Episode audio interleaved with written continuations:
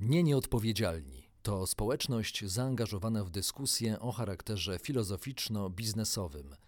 Naszym celem jest uwrażliwienie ludzi biznesu i nas, obywateli, użytkowników tego świata, na różne aspekty odpowiedzialności.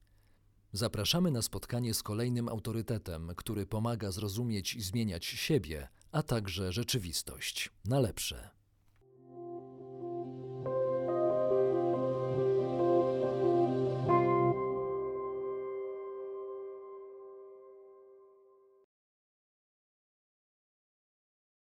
Witam w kolejnym wydaniu naszego cyklu, naszych rozmów o świecie po pandemii. A dzisiaj moim i Państwa gościem jest Edwin Bendyk, dziennikarz polityki, ale także publicysta i pisarz. Autor takich prac jak Zatruta Studnia czy Bunt w sieci, ale e, również od niedawna autor książki W Polsce, czyli Wszędzie. To jest taki bardzo szeroki, dość szeroki, wciągający obraz, nie wiem jak powiedzieć, stop klatka prawdopodobnie, stop klatka takiego miejsca i czasu, w jakim, w jakim znajduje się świat. Y, podtytuł tej, tej, tej książki brzmi Rzecz o upadku i przyszłości świata, chociaż akurat od takich alarmistycznych, y, katastroficznych tonów raczej Pan próbuje w tej, w tej książce dystansować się, czy ich unikać. Przede wszystkim dzień dobry, witam Pana bardzo serdecznie.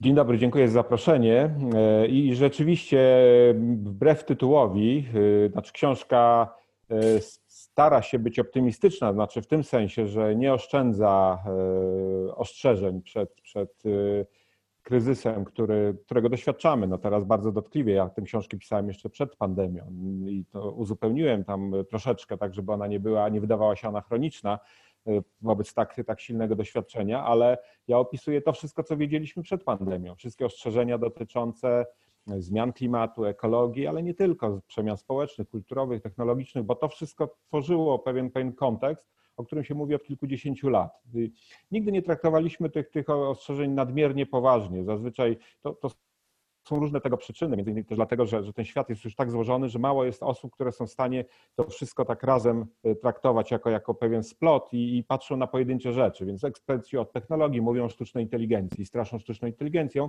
ale zapominają wtedy o zmianach klimatycznych. Prawda? Ci, co mówią o zmianach klimatycznych, zapominają o y, znaczeniu technologii, które mogą zmienić myślenie o zmianach klimatycznych i tak dalej. To wszystko tworzy taki konglomerat. Ja próbuję go jakby naszkicować, pokazując, że ta złożoność jest wyzwaniem, ale też jest dużą szansą, bo, bo właśnie w tym polu różnych, różnych, w tym splocie no są ukryte potencjały, które, które dają nam szansę. Zacznijmy od takiego bardzo prostego pytania. Na pewno Pan zauważył, podczas właśnie pandemii, która cały czas trwa, wcale jeszcze się nie wygasza, jak, jakby chcieli niektórzy. Y, w wielu publicznych miejscach, na płotach, na ludzkich balkonach, na, na, na, na, na timeline'ach facebookowych pojawiała się taka duża, bo taki emotikon, duża uśmiechnięta buźka z napisem będzie dobrze. To był mm. bardzo prosty przekaz, taki niosący trochę nadzieję. Czy myśli pan, że gdybyśmy porozmawiali o okładce pańskiej książki, czy ona gdzieś, ten emotikon z napisem będzie dobrze, mógłby się znaleźć, czy to raczej nie była pańska intencja?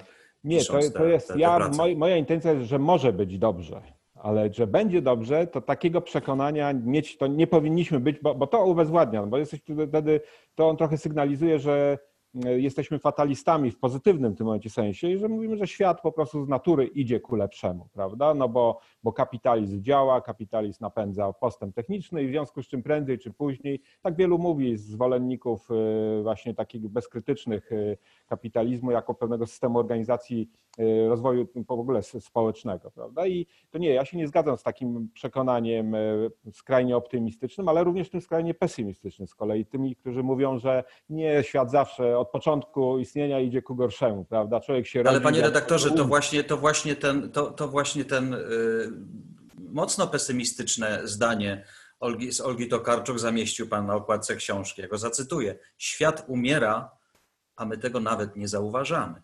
Tak, ale to jest początek wykładu Olgi Tokarczuk, który, który wygłosiła odbierając Nagrodę Nobla i trzeba wczytać się w całość, bo całość jest znacznie subtelniejsza. To jest początek, żeby nas wciągnął, prawda? To jest, to jest prowokacja którą, którą też pozwalam sobie po, powtórzyć, znaczy prowokacja, ostrzeżenie, że u, umiera świat, jaki znaliśmy, te formy, które, które, w których żyliśmy, ale to oznacza, no tak jak słynne francuskie prawda, zawołanie, król nie żyje, niech żyje król po prostu. Coś się kończy, ale coś się zaczyna.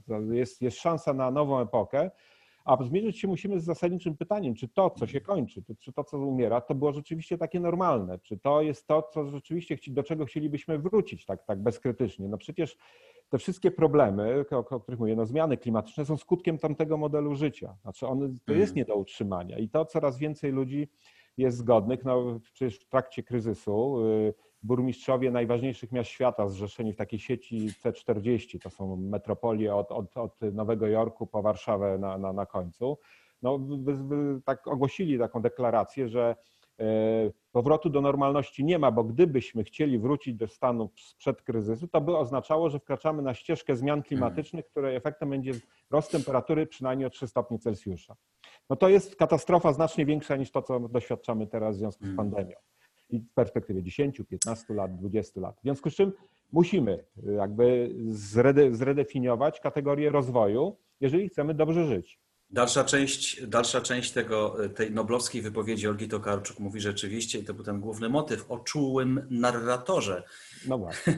No właśnie, to, i to jest ta bardziej optymistyczna część przesłania naszej, naszej noblistki Olgi Tokarczuk. Myśli pan, że rodzi się jakaś taka figura wspólna, społeczna, wspólnotowa figura czułego narratora w wyniku tych ostrzeżeń, które płyną z różnych miejsc na świecie? To znaczy, ja myślę, że takim istotnym czynnikiem właśnie jest doświadczenie tej pandemii w tej chwili. Ono uruchomiło różne procesy. To Jacek Dukaj zauważył, też dla mnie ważna postać, też się pojawiająca w książce. Jacek Dukaj zauważył ten taki e, moment, że to zamrożenie społeczno-gospodarcze z kolei przyspieszyło właśnie wiele procesów. To no, chociażby to sposób, w jaki my teraz porozumiewamy się. Nie? No, przecież to było możliwe oczywiście e, przed, przed pandemią, ale traktowaliśmy to jako zupełnie marginalne coś.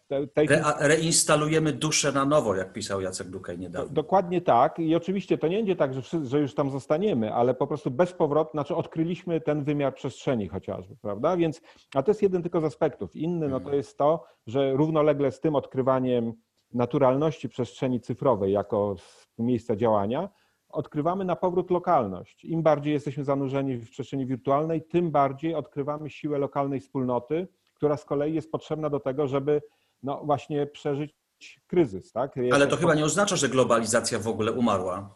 Nie, przeciwnie. Ja myślę, że ona w tej chwili ma, ma szansę na, na właśnie taką cywilizację, proces takiego cywilizowania, takie wyjście z, z, fazy euforii, takiego niekontrolowanej ekspansji i, i redefinicji po prostu, chociażby pod kątem pewnej racjonalności, bo nagle się okazało, że racjonalność czysta ekonomiczna powoduje nieracjonalność taką społeczną. No to, że najbardziej rozwinięte kraje świata nagle obudziły się bez maseczek, bez respiratorów i bez zdolności ich produkcji. To, to było naj, najciekawsze. Największe prawda? potęgi nawet. Nie? I nagle mają lotniskowce, a nie mają respiratorów, prawda? No to nie jest e, jakiś rocket bo, bo, science. Panie redaktorze, bo generałowie zawsze przygotowują się na wojnę, która już miała miejsce, która już była w przeszłości. Ale to dokładnie właśnie i tu pan zresztą y, uderzył w jedną niezwykle ciekawą obserwację związaną z pandemią. Przecież jak się ona zaczynała tu właśnie w krajach rozwiniętych, i pierwsze reakcje, Emmanuel Macron, jak ogłaszał lockdown swojego kraju, to co mówi? Jesteśmy na wojnie, prawda? Taka była retoryka no, militarystyczna. militarystyczna. Potem się okazało chwilę później, że połowa załogi lotniskowca Charles de Gaulle, który dopiero z remontu wyszedł, jest naszpikowany najnowocześniejszą tą technologią, jest zarażona koronawirusem, prawda? Że oni na tą wojnę są zupełnie nieprzygotowani. Tak, trochę wyszło jakby to był przygody Franka do lasa po prostu. Tak, dokładnie tak. I że, że to jest po prostu co innego jest potrzebne w tym momencie. To nie, nie, nie armia, znaczy nie mówię, że armia nie jest potrzebna, bo świat ciągle jest, jest nasycony przemocą i konieczność odpowiadania przemocą na przemoc to jest zupełnie jakby co innego, ale hmm. żeby poradzić sobie z tymi zagrożeniami, właśnie jak koronawirus, pandemię czy zmiany klimatyczne, my potrzebujemy umiejętności właśnie działania razem, samoorganizacji, budowania struktur odpornych na, na, na, na kryzys. Jak myślimy o takich procesach, e, nawet nie w kręgu ludzi, którzy się tym na co dzień zajmują, naukowców, futurologów, oni pewnie używają trochę innych instrumentów, ale po prostu w, rozmowach, w rodzinach, między nami, to mamy takie poczucie i prawdopodobnie w dużej części uzasadnione, że to są bardzo długie procesy, procesy rozłożone na lata, procesy, których być może zauważymy gdzieś w swoim życiu, ale wcale niekoniecznie, być może zauważą następne pokolenia, nasze dzieci. Nie mamy takiego poczucia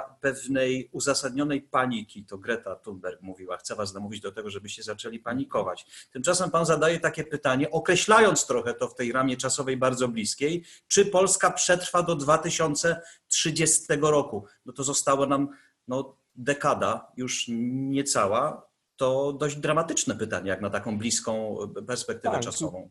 Pytanie dramatyczne, ale też ono się odwołuje do naszego doświadczenia historycznego, bo po- Polska upadała kilka razy i, i kilka razy w sposób spektakularnie szybki. No to, to ja przytaczam e, okres potopu szwedzkiego, gdzie, gdzie Jeff Parker, autor znakomitej takiej monografii Wielki Kryzys, która opisuje właśnie wiek XVII, przytacza przykład Polski, kiedy dosłownie w ciągu kilku miesięcy państwo polskie przestało istnieć, prawda?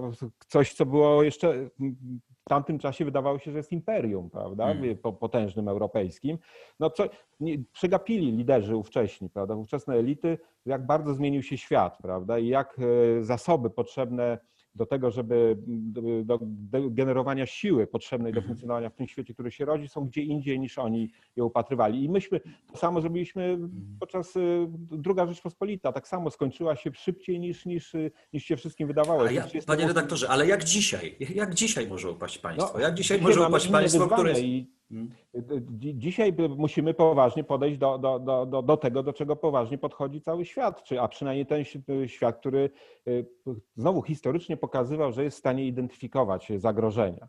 Prawda? I, i, i chociażby, nie wiem, y, Ho- Holandia czy, czy, czy kraje z zachodu, tego ce- centrum cywilizacyjnego, one oczywiście pokazały z jednej strony, jak słabo są przygotowane do tej pandemii, ale to tym bardziej trzeba posłuchać, jak y, y, adresują te problemy związane ze zmianami klimatycznymi, bo tam rozmowa trwa dłużej i są pewne projekty konkretne, one już trwają. My musimy się w to włączyć, nie udawać, że tego nas nie dotyczy lub że to nas nie, nie, nie jakby na to nas nie stać. My- Myślę chociażby o Europejskim Zielonym Ładzie, którego dotychczas nie podpisaliśmy. Hmm. Pan pisze też o tym, że y, w tej książce właśnie, że decyzje, które podejmowane są dzisiaj, będą decydowały o najbliższych latach, to mało powiedziane, o dekadach, a może nawet jeszcze więcej, a być może nawet o, o y, losach y, Homo sapiens po prostu. Ile mamy czasu na podjęcie tych najważniejszych decyzji? To jest właśnie dekada, czy jeszcze mniej? Nie, to, to znaczy tak, te, te 2030 wspomniane też się nie wziął, on jeszcze tam jest in, inny powód. Znaczy to, to jest taka cezura, która, która też y, y, jest używana w tym dyskursie klimatycznym. Tam się pokazują, raporty chociażby Międzyrządowego Zespołu do Spraw Zmian Klimatycznych pokazują, że no warunkiem powstrzymania katastrofy związanej ze zmianami klimatu jest stabilizacja temperatury na poziomie 1,5 stopnia powyżej okresu przedprzemysłowego. Żeby to osiągnąć, do połowy stulecia musimy uzyskać tak zwaną neutralność klimatyczną jako Ziemia. A żeby to osiągnąć, do roku 30 musimy zredukować emisję o 50-55%. Prawda? I, i to, jest, to, jest, to są takie punkty, to bo jeżeli tego nie zrobimy, to, to po prostu grozi nam y, to, że utracimy kontrolę, i tak umiarkowaną nad tym procesem ocieplenia, a za, w związku z tym możemy po prostu y, no, No i- stracić możliwość. Tak. I, I to wydaje się, że, że o tyle nie są dobre wiadomości, że dzisiaj, y, że dzisiaj te decyzje podejmowane są przez przywódców wielkich mocarstw w oparciu o kompletnie inny światopogląd niż ten, który proponuje nauka. Znaczy, sznurki są dzisiaj w rękach ludzi, którym w tej sprawie nie, nie, nie możemy ufać. Jeżeli by tylko się oprzeć na tym, jaki jest dzisiejszy polityczny, chyba trzeba powiedzieć, pogłębiający się chaos, to tam nie widać nawet światełka w tunelu, a jedyne światełko w tunelu, które widać, to jest rozpędzonego pociągu pędzącego z naprzeciwka. Nie, nie to, to nie do końca, aż takim pesymistą nie szedł, nie, nie był. To znaczy, rzeczywiście w polityce jest chaos, mamy, mamy różne, no, no to jak patrzymy na Stany Zjednoczone, chociaż zwłaszcza No teraz. właśnie się wycofały z porozumienia klimatycznego. Porozumienie Prezydent amerykański w ogóle Wycofały się z finansowania Światowej Organizacji Handlu, a sam nie- dniami. A Tak. prezydent Stanów Zjednoczonych chce wysyłać wojsko na, na, na protestujących y, ludzi, którzy mają uzasadnione No właśnie. gniewu. To oczywiście. I mówi gubernatorom, nie bądźcie frajerami. Czyli nakręca tak. de facto te spirale nienawiści. On tak nakręca. To, to jest powód do niepokoju, ale jednocześnie no, musimy zdać sobie sprawę, że polityka i to, co robią politycy, jest elementem pewnego no, kontekstu społecznego, pewnych energii, które są w hmm. społeczeństwie. I z kolei jak popatrzymy na to, co się dzieje w Europie, w Unii Europejskiej, no jeszcze rok temu, przed y, wyborami do Europarlamentu, półtora roku powiedzmy temu, tak, na pół roku przed wyborami do Europarlamentu baliśmy się brunatnej fali, tak, nagle musi wejdą, y, skrajna prawica wejdzie do Europarlamentu i rozmontuje Unię Europejską. No weszli zieloni akurat, nie, nie, nie brunatni i zmienił się całkowicie y, sposób myślenia, właśnie przyjęto Europejski Zielony Ład. Co nie oznacza, że ruchy ekstremistyczne nie dostają coraz lepszych notowań. To znaczy, oczywiście. Nie tylko w Polsce, ale w ogóle w Europie nie, nie bagatelizowałbym oczywiście zagrożenia skrajną prawicą, ale coś się wtedy mimo wszystko stało ważnego w czasie wyboru do Europarlamentu. To światełko zabłysło. Okazało się, że jeżeli jest presja we Francji, w Holandii, w Finlandii, ze strony tych, tych nowych, już często młodych właśnie, pokoleniowo już y, inaczej zdefiniowanych ruchów, to ona ma wpływ na politykę. Zmienia sposób myślenia polityków, nie tylko tych, którzy się definiują jako zieloni, ale również oddziałuje na, na innych, tych głównego nurtu. No wszyscy zaczęli mówić językiem y, transformacji ekologicznej, w Europie przynajmniej, prawda? Więc, więc y, a przynajmniej znacznej części Europy. Mówi Pan o tym, cytując różne źródła, że zbliżamy się do klifu, klifu Seneki. Co to jest i dlaczego powinniśmy się tego obawiać? Dlaczego to jest groźne? To znaczy tak, Cliff Seneca, ja wziąłem to, to, to, pojęcie od Ugo Bardiego, to jest taki włoski ekonomista związany z klubem rzymskim y, i on po prostu pokazuje, i to rzeczywiście, to jest poważne wyzwanie.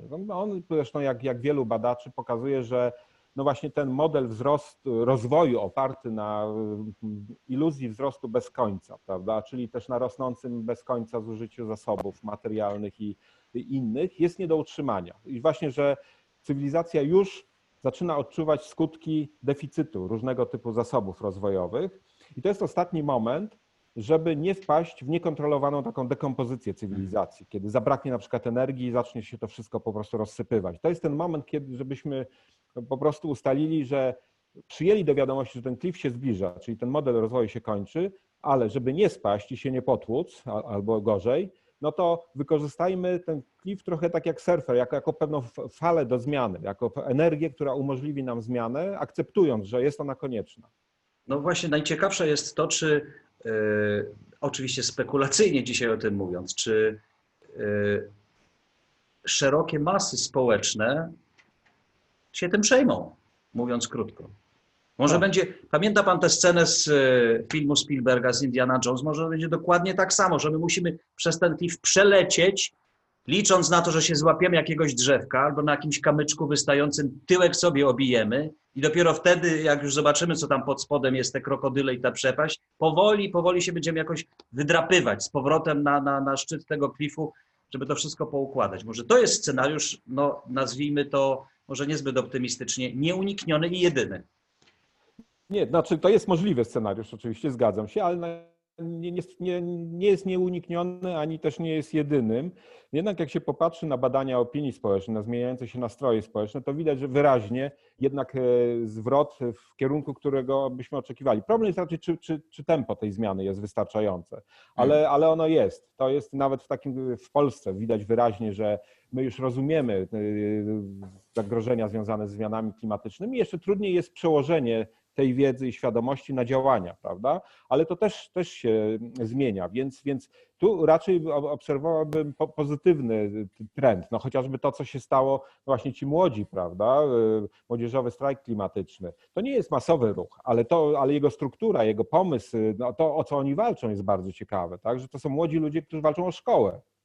Kiedyś młodzieżowe ruchy były przeciwko szkole, prawda? A ci młodzi wiedzą, co jest najważniejsze, żeby ocalić świat. Nauka i szkoła, tak? Czasami się to, wydaje, to jest, że więcej niż dorośli. Oni, no właśnie. Czyli jest szansa na to, że unikniemy Spielberga chwilowo. Szansa jest, no musimy tylko, tylko ją wykorzystać, zaufać też bardzo właśnie tym, tym młodym ich intuicjom, y, ale oczywiście bez jakiejś fascynacji młodością, taką bezkrytyczną, hmm. to nie w tym rzecz, ale trzeba się otworzyć na ich doświadczenie, na ich postulaty i po prostu zbudować jakiś nowy model solidarności międzypokoleniowej. A to jeszcze, redaktorze, drobne, skrótowe pewnie, korepetycje z przyszłości. Mhm. Tych y, korepetycji w pańskiej książce jest mnóstwo, rzeczywiście czyta się je czyta się je jednym tchem. Proszę powiedzieć, z jakimi wyobrażeniami będziemy się musieli rozstać? Czego będziemy się musieli oduczyć w najbliższym czasie?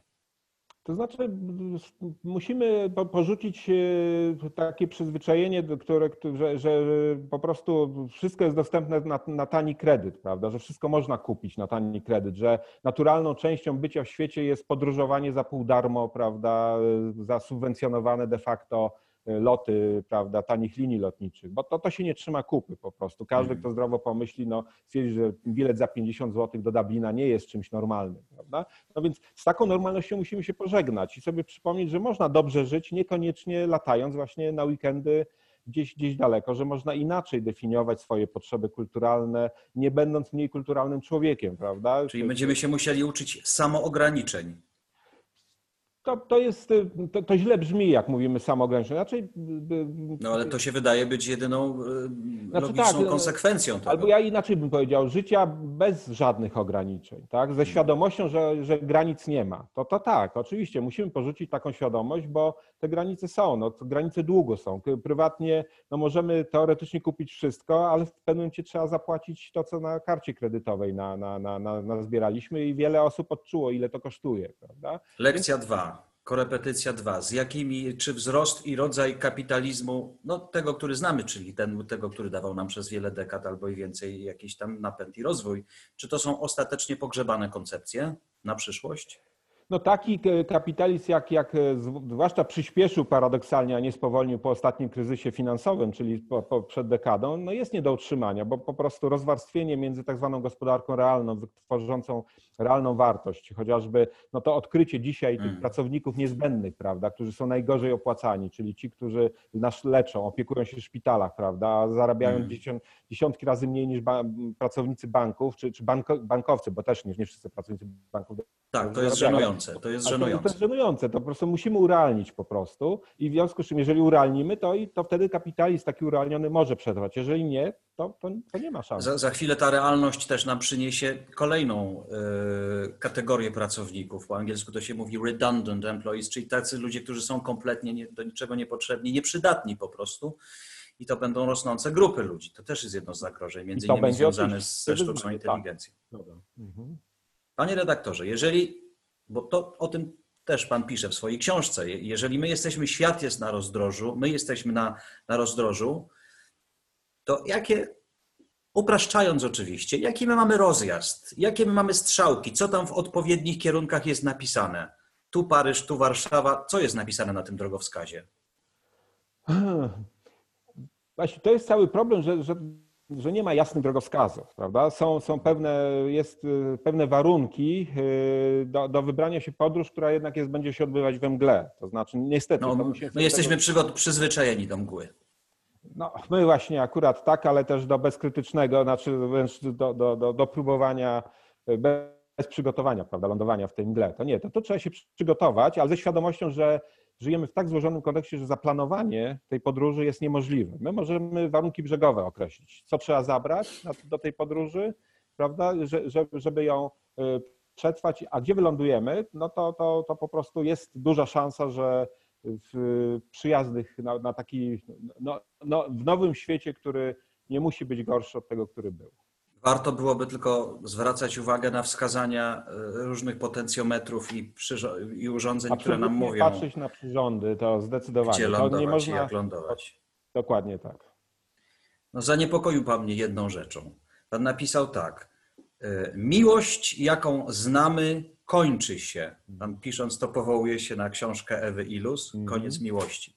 Redaktorze, jak to? No, ale też tam nie dokończę, bo, to, bo akurat y, problemowi miłości poświęciłem swoją wcześniejszą książkę z 2009 roku, Miłość, Wojna, Rewolucja, gdzie bardziej rozwijam te kategorie, pokazuje, że paradoksalnie, wbrew temu, co pisze Ilus, może nie tyle wbrew, bo ona też bardziej to, to subtelnie, ja trochę je upraszczam jej przekaz, y, dotykając tej istoty, ale że tak naprawdę to właśnie miłość, ten, czu, ten czuły narrator właśnie, to jest to, to siła miłości polegająca na, na, na no właśnie na odkryciu empatii, współodczuwania z innymi. To jest, to jest ta siła, która, która y, ma szansę y, i jest niezbędna do tego, żeby nas wyprowadzić z tych, z tych wszystkich y, raf. Czyli miłość się nie kończy. Nie, nie, nie. No to nie. tylko się chciałem Znowu, tak samo, miłość... upewnić i uspokoić. Ale pan pisze również, no i nie wyprze się pan tego, o końcu społeczeństwa. Mhm.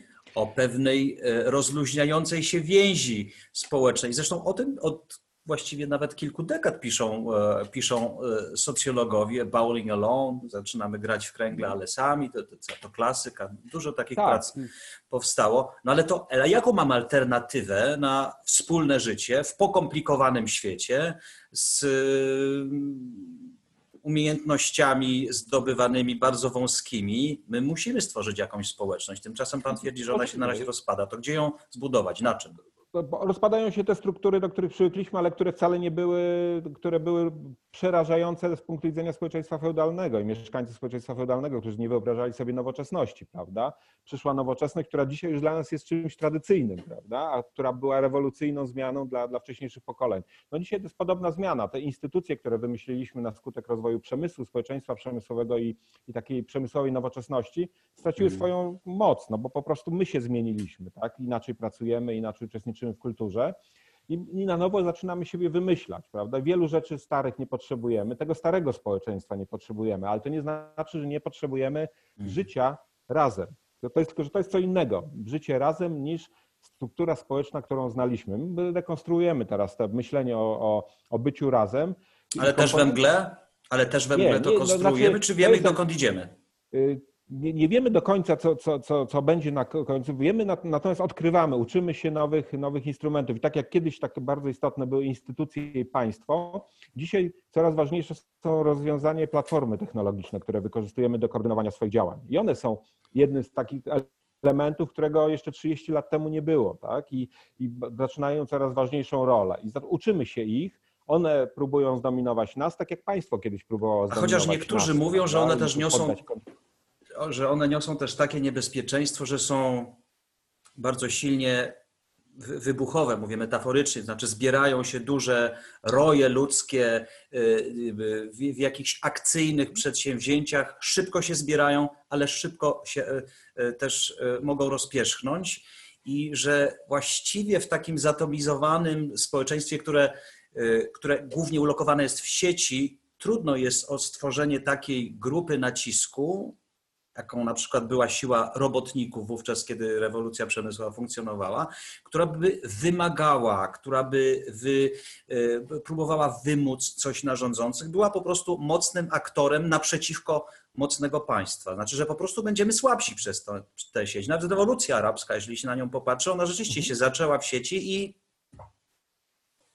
To prawda, to, to jest ryzyko i te, te doświadczenia dotychczasowe mają, no, przynoszą miesz- różne, niejednoznaczne wnioski. Dla mnie ważne jest to, to, co już powiedzieliśmy, że to jest połączenie z jednej strony odkrywania sieci jako, jako sposobu czy platformy koordynacji działań z odkrywaniem lokalności jako źródłem tożsamości indywidualnej i zbiorowej. To, że znaczenie no w tej pandemii chociażby od, odgrywają miasta. One przejęły walkę. No w Stanach Zjednoczonych przy rządzie, który nie potrafi nic zrobić, ma prezydenta, który tweetuje i myśli, że w ten sposób zatrzyma wirusa, mamy miasta, prawda, które działają, prawda, i, i- radzą sobie świetnie. I to y, odkryć, znaczy to jest takie, można powiedzieć, di- di- dialektyczne napięcie między, między realnością miejsca, w którym mieszkamy, bardzo konkretnego, właśnie miasta, w którym jesteśmy, które jest źródłem naszej dumy i, i tożsamości, i tą możliwością wykraczania poza, poza tą No, nawet Twitter zaczyna dostrzegać, nawet Twitter zaczyna dostrzegać te dylematy. Ostatnio zamieści, z- zaczyna zamieszczać ostrzeżenia przy wypowiedziach Trumpa, co też jest jakimś komentarzem do tego, jak zachowują się właśnie media społecznościowe, czy ta sieć, która ma nas.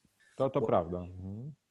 Panie redaktorze, o Polsce jeszcze pan pisze tak. Tragedia państwa polskiego polega na tym, że jego reformatorzy, i to się odnosi do historii w dużej części, rozmijają się z czasem historycznym. Mhm. Rzeczywiście byliśmy świadkami w historii wiele razy tego. Pan nawet w tej rozmowie dzisiejszej wspomniał o tych niespodziewanych upadkach, również spowodowanych pewną nie, niepras, niefrasobliwością polityczną, niedojrzałością polityczną polskich polityków, polskiego społeczeństwa, ale tak jakoś mi się wydaje, że przerabiamy to trochę na nowo. No niestety to nie jest problem tylko, tylko Polski, tylko w ogóle tego, tego re- regionu, tak bym to nazwał. To zresztą opisane świetnie jest przez Isztwana Bibo, takiego myśliciela węgierskiego i też polityka, który w 1946 roku napisał znakomity esej Nędza małych państw wschodnioeuropejskich. Myślał o Polsce, Czechosłowacji ówczesnej i Węgrzech. I, I one wszystkie miały problem z definiowaniem swojego miejsca w historii właśnie wobec kryzysu. I, i kiedy właśnie zbliżał się kryzys, to często budowały na na zupełnie innych wyobrażeniach swojej podmiotowości, prawda? No my mamy swoje problemy. Węgrzy w tej chwili rozpamiętują, akurat jest setna rocznica paktów Trianon i to jest, to jest taka trauma, która definiuje ich politykę cały czas, prawda? I mm. cały czas żyją tym, czym żyli przed stu laty. I to, to, to, są, to są jakieś takie no to psychicznie bezpieczniejsze. Tak, bo to jest jakaś y, no, próba mierzenia się z czymś, co znamy, co już było wielokrotnie opowiedziane, prawda? A, a, a mm. przy okazji maskuje naszą niezdolność czy bezradność wobec rzeczywiście złożoności tego świata, która jest, jest wyzwaniem i wymaga y, nie pojedynczego namysłu, tylko zdolności do myślenia zbiorowo. A to jest duża sztuka. Nauczyć się myśleć jako społeczeństwo w całości, a nie tylko poprzez pojedyncze mózgi, które, które próbują ogarnąć to. Powołuje się Pan na esej, który mówi o nędzy państw środkowo, środkowej Europy, ale w gruncie rzeczy takie procesy w mniejszym czy większym stopniu wcale nie są dzisiaj przypisane i nie mamy na nie monopolu. To być może dlatego pan tę książkę e, zatytułował w Polsce, czyli wszędzie. To jest, jak Państwo mhm. doskonale wiedzą, aluzja do ubu króla w Polsce, czyli nigdzie wówczas. Dzisiaj wygląda na to, że no nawet jeśli nie jesteśmy nie wiem, prekursorami różnych e, niezbyt może pozytywnych procesów, to na pewno u nas to widać jak w soczewce, ale dotyczy to również e, naszych e, i sąsiadów, i naszych wyspiarskich sąsiadów, i naszych zaatlantyckich sąsiadów, niestety. Znaczy te społeczeństwa, od których kiedyś braliśmy wzór, które były dla nas pewnym modelem, dzisiaj popadają w podobne kłopoty, w jakich jesteśmy my. To prawda, to pokazuje głębokość kryzysu i rzeczywiście, że to jest zmiana cywilizacyjna, a nie tylko jakieś lokalne prawda, wybuchy jakieś, jakiegoś, jakichś problemów. I co, co jest y, z jednej strony niebezpieczne, ale też jest dużo szans, dużą szansą właśnie dla takich miejsc jak, jak Polska, że możemy być źródłem też rozwiązań, inspiracji, że nie musimy tutaj jakby skazywać się na rolę peryferią, znaczy my możemy z tej pozycji jakby też, też być aktywnym e, aktorem historii, która, która się w tej chwili wydarza. Tylko chodzi o to, żebyśmy nie próbowali tego robić, jak przed chwilą mówiliśmy, czyli mhm. rozpoznając źle swoje zasoby, to znaczy nie próbując być aktorem historii, która już przeszła, minęła, prawda, tylko tej, która akurat się teraz toczy. Czyli trzeba dobrze rozpoznać, co jest stawką te, tego wyzwania. Nie bronić na przykład węgla, prawda, tylko myśleć, jak przy naszym uwikłaniu w węgiel od niego odejść, prawda? I pomyśleć no, w oparciu o jakie zasoby możemy to, to, to, to zrobić. To jest tylko jako taki przykład, prawda? Jak, jak możemy Jasne. w tę grę wejść. I ostatnie pytanie jeszcze, my w, tych, w, tym, w tym cyklu i w tym kanale dużo mówimy o odpowiedzialności i również o odpowiedzialności obywatelskiej. Ja wiem, że pytanie jest może nazbyt proste, żeby nie powiedzieć prostackie, ale chciałbym usłyszeć pańską, pańską odpowiedź. Co odpowiedzialny obywatel, pojedynczy obywatel, osoba, która się uważa za, za aktywnego, ale pojedynczego obywatela, jak właściwie powinien się zachowywać wobec tych wszystkich procesów, wobec tej całej sytuacji, która jest przytłaczająca, wielopoziomowa, skomplikowana, no mówiąc krótko, nie do ogarnięcia. Jak się zachowywać, jak to ogarniać z, z perspektywy pojedynczego człowieka? To znaczy trzeba pamiętać, że jako pojedynczy człowiek, jako pojedynczy obywatel mamy niezwykle silną rzecz, czyli kartkę do głosowania. To jest, to jest bardzo silny, silna, silny instrument, to się okazuje właśnie w trakcie, w trakcie wyborów. Po prostu nie wahajmy się używać tego instrumentu racjonalnie, to znaczy wybierajmy tych polityków, którzy stwarzają szansę Y, odpowiedzi na, na to pytanie, ale też nie zostawiajmy ich samych, jak już ich wybierzemy. To o to chodzi, żeby nie kończyć zaangażowania w debatę polityczną, w politykę hmm. z momentem wyborów, tylko po prostu by cały czas uczestniczyć w tym procesie, obserwując go, debatując, podpowiadając, wywierając też presję nie tylko na tych, których nie lubimy, ale również na tych, których chcielibyśmy, żeby rządzili lub rządzą i akurat ich popieramy, ale to nie bójmy się ich naciskać, żeby, żeby jednak y, czuli, że, że jesteśmy z nimi. Bo najgorsze, co może być dla polityka, to jest samotność y, w momencie, kiedy już zostanie wybrany i, i potem musi się mierzyć y, z wyzwaniami, które ma i ze społeczeństwem, którego nie, nie do końca czuje, bo ono się nie, nie wypowiada zbyt aktywnie. Bardzo panu dziękuję za to spotkanie, za tę rozmowę, e, a państwu również polecam raz jeszcze książkę e, w Polsce, czyli Wszędzie rzecz o upadku i przyszłości świata. Dziękuję panu za spotkanie Dziękuję i do zobaczenia. Dziękuję, do widzenia.